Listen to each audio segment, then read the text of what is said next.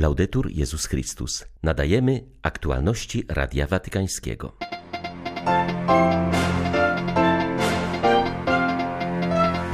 Mnisi i mniszki są pulsującym sercem przepowiadania Ewangelii. Ich modlitwa jest tlenem dla wszystkich, niewidzialną siłą, która podtrzymuje misję, powiedział papież podczas audiencji ogólnej. Posługujący na Węgrzech Franciszkanin ojciec Paweł Cebula przybliża przełomowe momenty najnowszej historii Kościoła w tym kraju oraz hasło pielgrzymki papieskiej.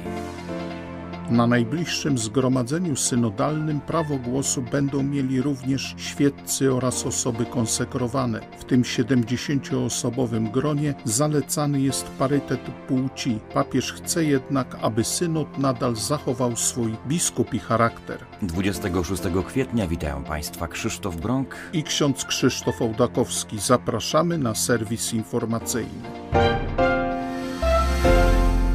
Zakony kontemplacyjne, mnisi, mniszki, ludzie, którzy modlą się w milczeniu za cały Kościół, to stanowi wyraz ich miłości. Ona wyraża się w modlitwie za Kościół, w pracy dla Kościoła, w klasztorze. Powiedział papież podczas audiencji ogólnej.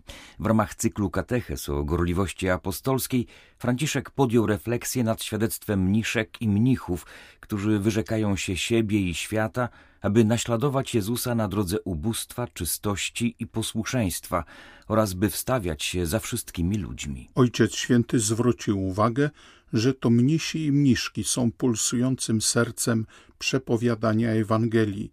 Ich modlitwa jest tlenem dla wszystkich, niewidzialną siłą, która podtrzymuje misję. Papież przywołał również postać świętego Grzegorza z Nareku, mnicha ormiańskiego i doktora kościoła, który żył około roku tysięcznego i pozostawił księgę modlitw wyrażających wiarę narodu ormiańskiego, który jako pierwszy przyjął chrześcijaństwo. Święty Grzegorz spędził prawie całe swoje życie w klasztorze w Nareku. Tam nauczył się zgłębiać ludzką duszę, a łącząc poezję i modlitwę, wyznaczył szczytowe osiągnięcie ormiańskiej literatury i duchowości. Szczególnie poruszająca jest jego uniwersalna solidarność, której był wyrazicielem. Wśród mnichów i mniszek istnieje uniwersalna solidarność. Cokolwiek dzieje się w świecie, znajduje miejsce w ich sercach i oni się za to modlą. Serce mnichów i mniszek to serce, które odbiera jak antena. Odbiera to, co się dzieje na świecie, modli się za to i wstawia się. Tak żyją w jedności z Panem i ze wszystkimi.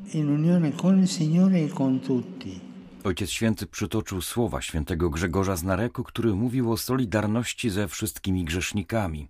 Mnisi, tak jak Jezus, biorą na siebie problemy świata, trudności oraz choroby i modlą się za innych. To są wielcy ewangelizatorzy. Pomyślmy trochę o tym, jeśli mogę użyć tego słowa, rezerwuarze, który mamy w Kościele. Oni są prawdziwą siłą, prawdziwą mocą, niosącą lud Boży naprzód. I stąd bierze się zwyczaj, który mają ludzie, lud Boży, kiedy spotykają osobę konsekrowaną, mówią: Pomódl się za mnie, pomódl się za mnie, bo wiedzą, że jest tam modlitwa wstawiennicza. Dobrze nam zrobi, na miarę naszych możliwości, odwiedzenie jakiegoś klasztoru, bo tam się modlą i pracują.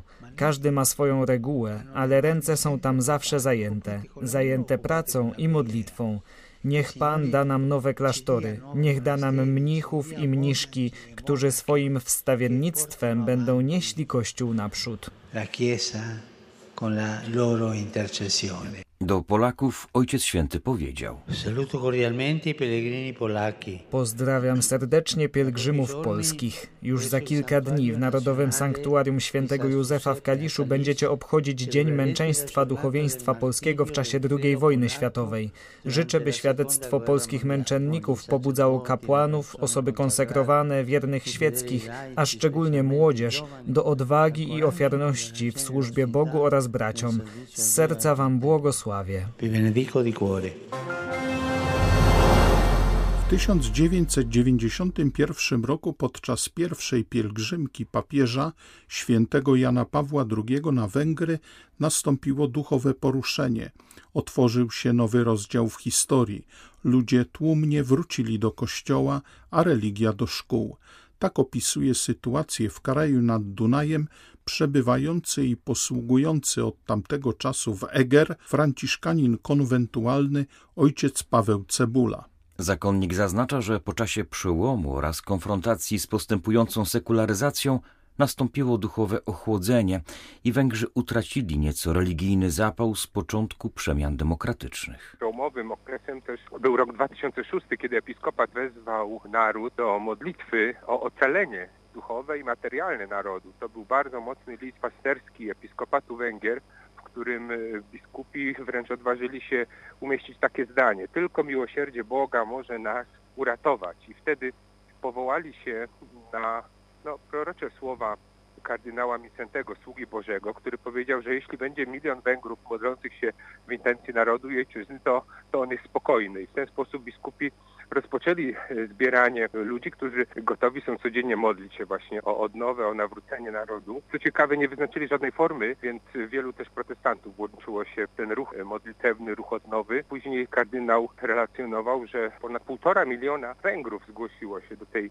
modlitewnej inicjatywy. Ojciec Paweł Cebula zaznaczył, że kiedy w 2010 roku prawica powróciła do rządów na Węgrzech, rozpoczęły się prace nad nową konstytucją, która została uchwalona w kolejnym roku. Zawarto w niej wprost odwołanie do dziedzictwa świętego Stefana, założyciela państwa i kościoła na Węgrzech. Konstytucja wskazuje, że państwo węgierskie jest państwem chrześcijańskim. Chciałbym bardzo podkreślić modlitwę, którą napisali biskupi i która codziennie na każdej mszy w całym kraju jest odmawiana. Jest to bardzo ciekawa modlitwa i w pewien sposób też odbija się w niej nastawienie katolików na Węgrzech e, przed tą wizytą. Zaczyna się od e, wyznania swojej grzeszności i później zawiera się w niej hasło tej wizyty. Chrystus naszą przyszłością. Tam jest jeszcze uzupełnione o słowo pewną, że e, tylko w nim jest pewność naszej przyszłości. Później jest wezwanie pośrednictwa Maryi Magna Domina Hungarorum, czyli Wielkiej Pani Węgrów, po naszemu byśmy powiedzieli Królowej Węgier i wszystkich świętych i błogosławionych z prośbą, byśmy coraz bardziej poznawali Chrystusa, by On dawał nam nadzieję właśnie na przyszłość, ale też i pokój do e, solidarnego współżycia między sobą i z innymi narodami. Powołanie, łaska i misja to temat ogłoszonego dziś papieskiego orędzia na Światowy Dzień Modlitw o Powołania. Przypada on w najbliższą czwartą niedzielę wielkanocną. Franciszek wspomina w nim zaskakującą genezę własnego powołania, a zarazem przytacza dramatyczne słowa świętego Pawła – Biada mi, gdybym nie głosił Ewangelii. Franciszek zarysowuje na wstępie najdalszy horyzont każdego powołania. Bóg Ojciec wybrał nas jeszcze przed założeniem świata, abyśmy byli święci i nieskalani przed Jego obliczem, abyśmy byli Jego przybranymi dziećmi. Powołanie to zostało zapisane w naszej głębi, ukazuje nam drogę do szczęścia i za sprawą Ducha Świętego przejawia się w nas na różne sposoby, czasami całkowicie nieoczekiwanie. Tak też było w moim przypadku, wspomina Franciszek 21 września 1953 roku, gdy idąc na doroczny festiwal studencki poczułem potrzebę wejścia do kościoła oraz przystąpienia do spowiedzi. Ten dzień zmienił moje życie i odcisnął na nim piętno, które trwa do dziś. Papież dodaje, że Boże powołanie dociera do nas stopniowo, w drodze i na różne sposoby. Wyobraźnia powołującego nas Boga się nie wyczerpuje, zapewnia Franciszek. Dodaje zarazem, że powołanie to dynamiczna relacja między Panem a sercem człowieka. Dar powołania jest jak ziarno zasiane w glebie naszego życia. Otwiera nas na Boga i na innych, aby dzielić się znalezionym skarbem. Powołanie zawsze zawiera w sobie posłanie. Nie ma powołania bez misji. To doświadczenie, którego nie da się przemilczeć. Biada mi, gdybym nie głosił Ewangelii, mówi święty Paweł.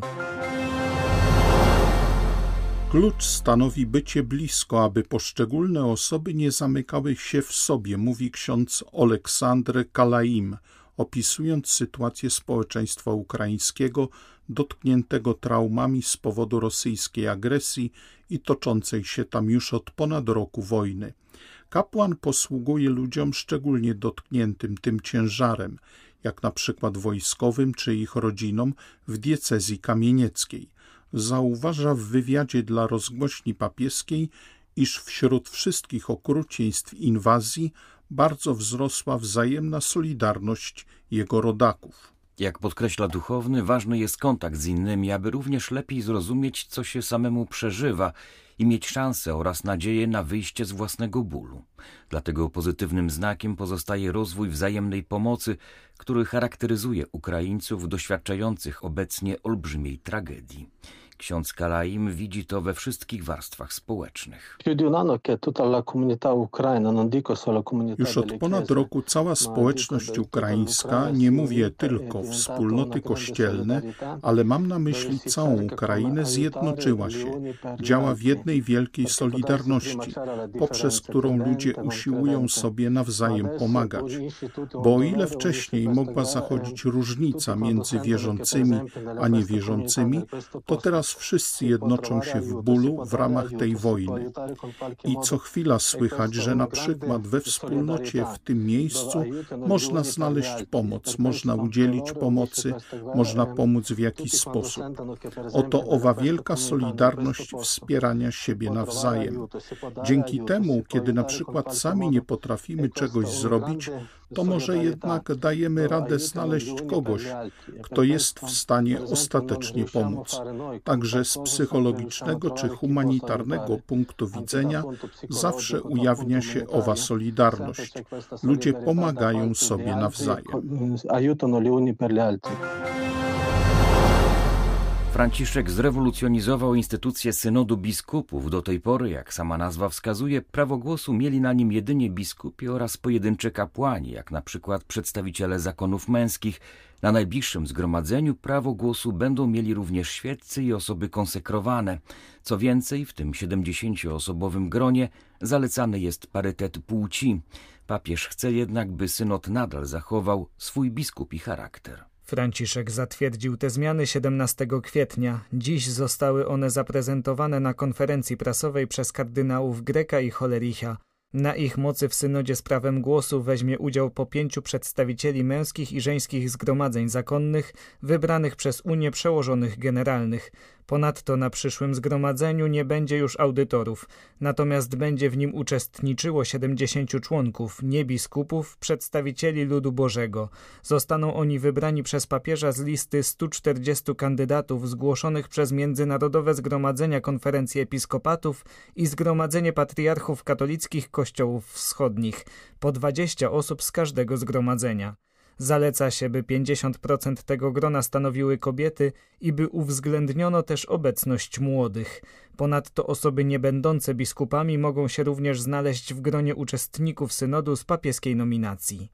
W zgromadzeniu bez prawa głosu wezmą natomiast udział delegaci innych wyznań chrześcijańskich, eksperci, a także po raz pierwszy facilitatorzy, czyli osoby eksperckie, których zadaniem jest ułatwienie pracy na poszczególnych etapach zgromadzenia. Inna zmiana dotyczy przedstawicieli kurii rzymskiej. Dotychczas w synodzie uczestniczyli zwierzchnicy dykasterii wskazani przez papieża. Na przyszłym zgromadzeniu Ojciec Święty będzie mógł wskazać kogoś innego niż zwierzchnika dykasterii. Informacje na temat przyszłego zgromadzenia synodalnego zostały podane w formie pytań i odpowiedzi. Dotyczą one również wyboru przedstawicieli biskupów. Ich liczba zależy od wielkości konferencji episkopatu i waha się od jednego do pięciu. Każdy wybór będzie musiał zostać zatwierdzony przez papieża i do tego czasu nie wolno podawać nazwisk do publicznej wiadomości. Były to aktualności Radia Watykańskiego. Laudetur Jezus Chrystus.